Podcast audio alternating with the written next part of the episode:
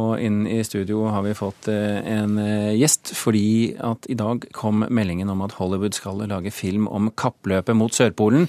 Kappløpet mellom Roald Amundsen og Robert Falcon Scott. Det er produsentene bak filmen Good Will Hunting. Ben Affleck og Matt Damon som skal lage filmen. Forfatter og filmskaper Alexander Wisting, tusen hjertelig takk for at du kom til Kulturliv på kort varsel. Eh, hva tror du om dette prosjektet? Først og fremst syns jeg det er spennende at noen tar tak i den historien. For det er vel kanskje det ultimate kappløpet. Og sånn sett kan det bli veldig god eh, film av det, tror jeg. Eh, samtidig er det jo viktig å ha respekt for mye av det som skjedde. Og det er ofte en forflata historie som gis av dette kappløpet. Men jeg tror jo med de budsjettene man ofte har i Hollywood, og de mulighetene man har, så skulle man kanskje kunne klare å gå skikkelig til verks denne gangen. Hva er fallgruvene? Nei, Først og fremst er det de flate personskildringene som nesten alltid skjer, også her i landet, når det gjelder uh, Amundsen og Scott, hvor det ene blir ofte en litt uh, beinhard type, og det andre blir en taper. Og for så vidt kan du si at det var en veldig tydelig taper og vinner, men det er det å komme litt under huden på folk, og ikke konstruere kanskje forflata portretter. Uh, litt en diskusjon som man har hatt med en Kon-Tiki-film, hvor man på en måte konstruerer en handling som man kanskje ikke trengte å gjøre, og lager karakterer som ikke er der.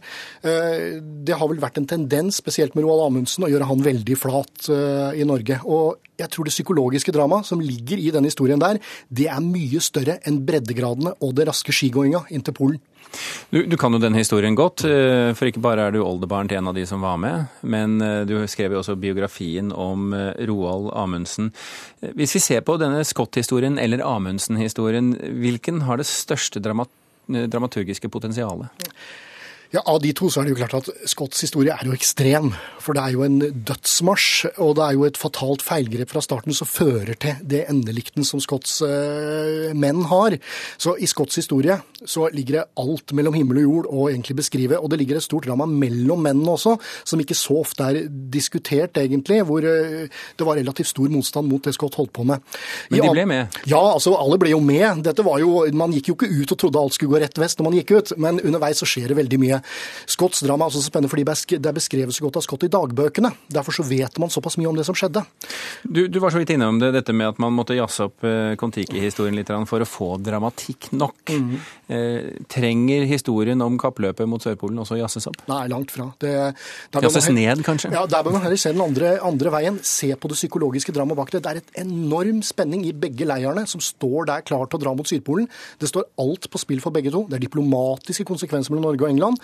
Amundsen står med fare for å gå konkurs hvis han ikke vinner det kappløpet.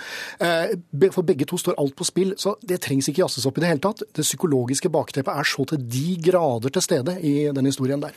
Hva må Affleck og Damon gjøre av research for å få dette til? Nei, Først og fremst burde vi jo snakke med oss som har satt oss ordentlig inn i Roald Amundsen. Den britiske historien den fins jo ofte i rikt monn, men ofte relativt feil framstilt i Storbritannia.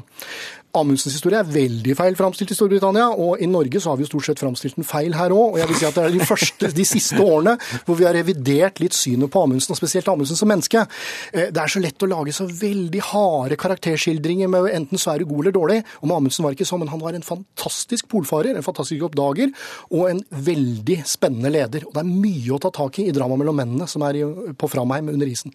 Bør du egentlig ringe Ben Affleck og fortelle hva du mener? Ja, det burde jeg helt sikkert gjort. Det er vel ikke det så sannsynlig at vi kommer inn i noe sånt noe her, eh, kanskje. Men eh, jeg tror nok i dag at det er noen av oss eh, i miljøet her i Norge som har satt oss ordentlig inn i Amundsen og kanskje kunne klart å gitt en større dybde til denne historien. Det tror jeg nok researchen burde vært innom, i hvert fall noen av oss.